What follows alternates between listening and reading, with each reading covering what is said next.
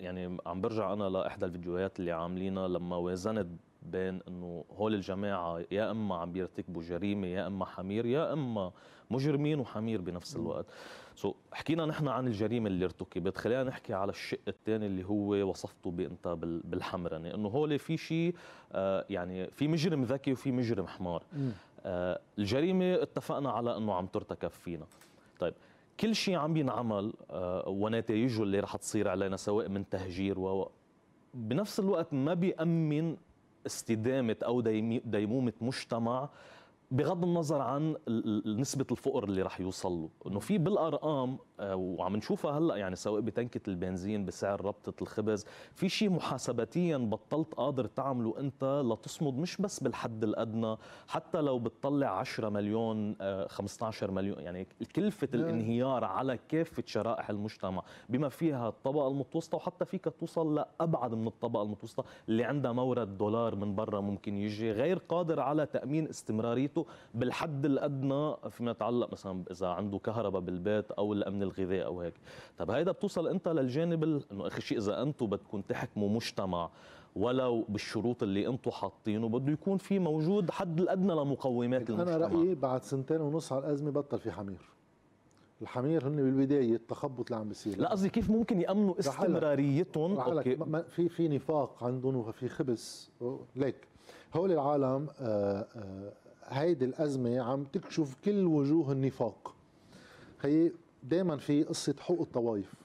دائما كل هول الأحزاب بأشكال لغوية مختلفة بيعبروا عن نفس الفكرة بطريقة مختلفة إنه كل واحد باله بطائفته طيب سؤال كتير بسيط. هاي الطوائف أخرتها إذا بدي صدق بإنه هي الهوية الوحيدة ما حدا عنده هوية مركبة يعني ما حدا فقير وماروني وفقير وغني وشيعي. لا شيعي شيعي غني فقير كلهم هو نفس الدقة. هي أنا برأيي تجليطة بس بتفعل فعلا مع الوقت إذا كل آليات الحكم بتتعامل مع الناس هيك. طيب إذا هول همهم فعليا إبقاء طوائفهم بالبلد وبنفوذ معين. في حدا يفسر لي كيف؟ طالما الطوائف لعبت ديموغرافيا بالآخر يعني إذا ما نلف وندور يعني. إذا بتبعد الفترة الزمنية قصة ديموغرافيا اللي راح يقل مع الوقت راح يضعف راح يكتر مع الوقت قصة إنجاب يعني. إنجاب وهجرة. طيب إذا واحد باله تخف الهجرة عن طائفته في شي حزب طائفي طرح لي مشروع تيخلي الناس جماعته يا أخي مش اللبنانيين خلينا نسب كل البقاوى ما بيسووا خي جماعته هو يخليهم هون يخلي لهم قدرات شرائيه هون؟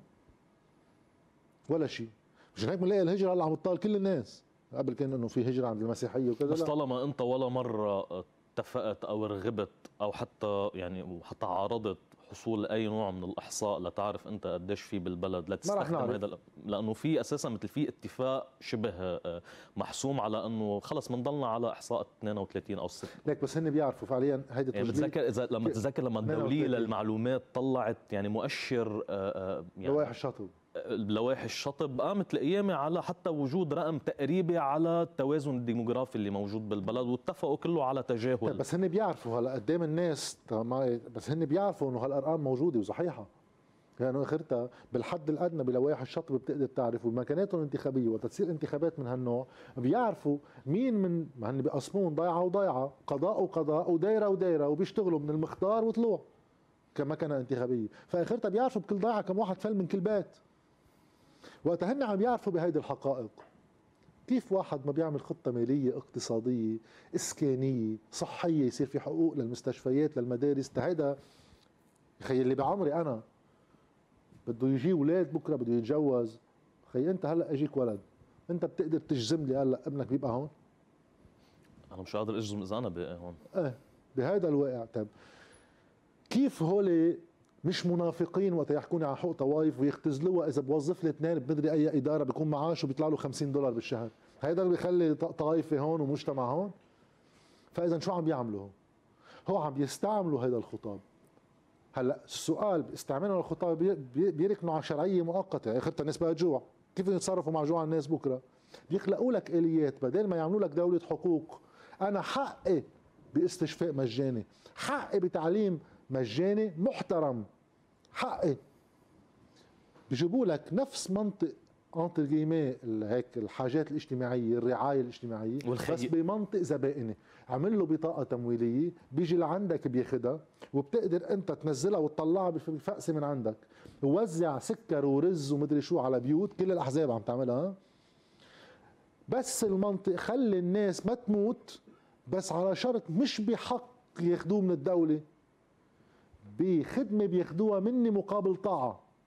هذا اللي عم يشتغلوا عليه هلأ. والبطاقة التمويلية اللي رح يعملوها sooner or later هذا همهم كلهم. واللي هي منا كافيه ابدا قدام حجم الأزمة أو حجم المجهول اللي ناطر ثلاث أرباع العالم؟ بس أنا ساعتها بخ... يعني بروح على السؤال التالي. طالما انت فقدت الدولة قدرتها على تأمين آه، آه، مكتسبات معينة بحسب التوزيع اللي آه، يعني حكم اليه عمل الدولة خلينا نقول بثلاث عقود الماضيه الدولة كخزان خدمات ومكتسبات فلس وبطل في له أي إمكانية لتأمين هذه المكتسبات. وبالتالي المشرفين أو من تحكموا بهذه الدولة وتوزيع مغانمها لجأوا إلى خزانهم الخاص. بغض النظر شو من وين بجيبوا مصريات هذا الخزان؟ من برا؟ نتيجة شبكة رجال أعمال بتحيط بكل بكل حزب طائفي. بس هذا بياخذنا على سيناريو ولا هو شوي يعني حالم إذا بدك. بس بمعنى انطلاقا من المحاول القيام به البعض ورح أذكر شرب النحاس على سبيل المثال آه، حينما كان هناك معركة لرفع الحد الأدنى للأجور. والرغبة اللي كانت موجودة عنده بأنه هو بده يطرح شعار تقسيمي أو انقسامي يفرز العالم صورة بين أفقية. بصورة أفقية بين أرباب عمل بين أجراء. وبالتالي ينقل هذا الشيء المتفجر لداخل كل المكونات الشعبية للأحزاب. هذا السيناريو اللي نحن واصلين عليه اللي بيفرض على الأحزاب بأنه هي تدبر شؤون فقراءها بخزانها الخاص. عبر المثل اللي أعطيتك إياه يا أما عبر التمويل السياسي يا أما عبر رجال الاعمال عمليا في حال أنت لو وصلت لهيدي المرحلة مش أنت بتنقل المعركة آه، آه، إلى معركة متفجرة داخل المكونات الطائفية والحزبية لكل هذا كل المشروع.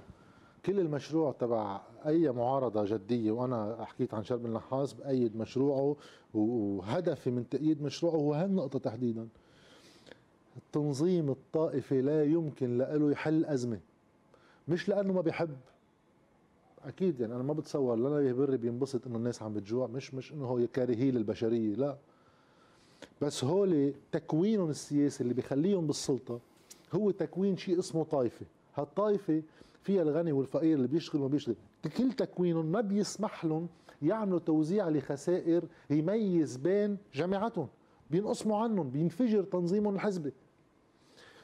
فبما إنه ولا واحد قادر يعمل هالشيء خوفا ما ينفجر تنظيمه الحزبي بأنه حمل هو. أنت تذكر بوقتها عم تحكي عن النحاس تذكر شو كان موقف فادي عبود؟ بالتكتل نفسه. تمام. كان رح ينفجر تكتل صار بقلب التكتل في ناس معه وناس ضد. لأنه التنظيم الطائفي ما بيقدر يحل مسائل اجتماعية.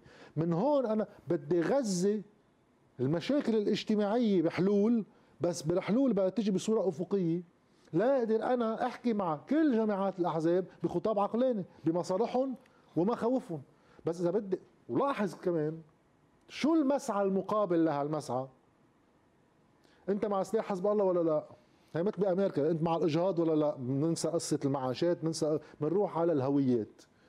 بس هذا الخطاب التخويفي بيخدم لمرحلة معينة يعني قدر يخدم يعني أركان المنظومة أو أركان السلطة لنقول بعد مرحلة اغتيال الحريري. بمعنى إنه كل النقاش الحقوقي المطلبي اختفى على حساب الانقسام العمودي اللي كان موجود بالبلد. بس خدم إلى حين مرحلة أو لحظة تأسيسية فيك تقول عنها بال 2015 أو بال 2019 لما الانقسام السياسي ما عاد هناك قدرة على التغطية على الحاجة أو المطالب الشعبية اللي هي بالحد الأدنى لازم توفرها فراغ بالطرح السياسي عند كل الأحزاب. بس أنا يعني يعني أنا أنا سألت هذا السؤال الافتراضي انطلاقا من الشق الثاني اللي كنت عم ناقشه معك اللي هو الحمراني خلينا نسميه الغباء. إنه عمليا هن ألا يدركون إنه بالحل اللي عم بيلجأوا يلجأوا آه، إليه رح يودي تلقائيا لسيناريو آه، يؤدي إلى تقويض زعاماتهم. لا. ليه؟ ما أنا عم لك مش هيك عم لك بطلت حمراني بالأول في بعض النواب لا بيفهم بال Eurobond ولا بيفهم بشيء فاكرينها يورو. قد ما بدك في حمرنة بعد سنتين ونص مستشارين و IMF رايح و IMF جاي يعني إذا في واحد منهم بعضه حمار هذا بيكون بده علاج استشفائي بيكون مشكل طبي يعني مش إنه ما بيفهم كثير يعني. لا هن في رهان إنه في تسوية إقليمية بتجي بتفرض واقع على لبنان ونحن بآليات التوزيع منكفي بالزبائنية بس وقت تيجي التسوية الإقليمية بصير في قمع قمع لفرض واقع على الناس شاء من شاء وأبى من أبى. تجربته الفجة إذا بدك بلبنان صايرة قبل. وقت اللبنانيين عم بيتقاتلوا ويقتلوا ببعض وحواجز وتشليح وكذا فجأة بيطلع قرار خلصت الحرب رب ربك بيفهم ليش خلصت. ها؟ بالنزاع اللي كان قائم ما صار شيء. قالوا لهم خلصت الحرب هيدي ورقة الطائف مندرجاتها الأساسية كمناصفة وخبرية مكتوبة من طاولات حوار ال 76 بعد دخول السوري ف تركب وضع إقليمي بعد انهيار الاتحاد السوفيتي واجتياح أمريكا للعراق إنه هاي بدنا نخلصها وبدنا ناخذ المنطقة كلها على سلام. خلصوها.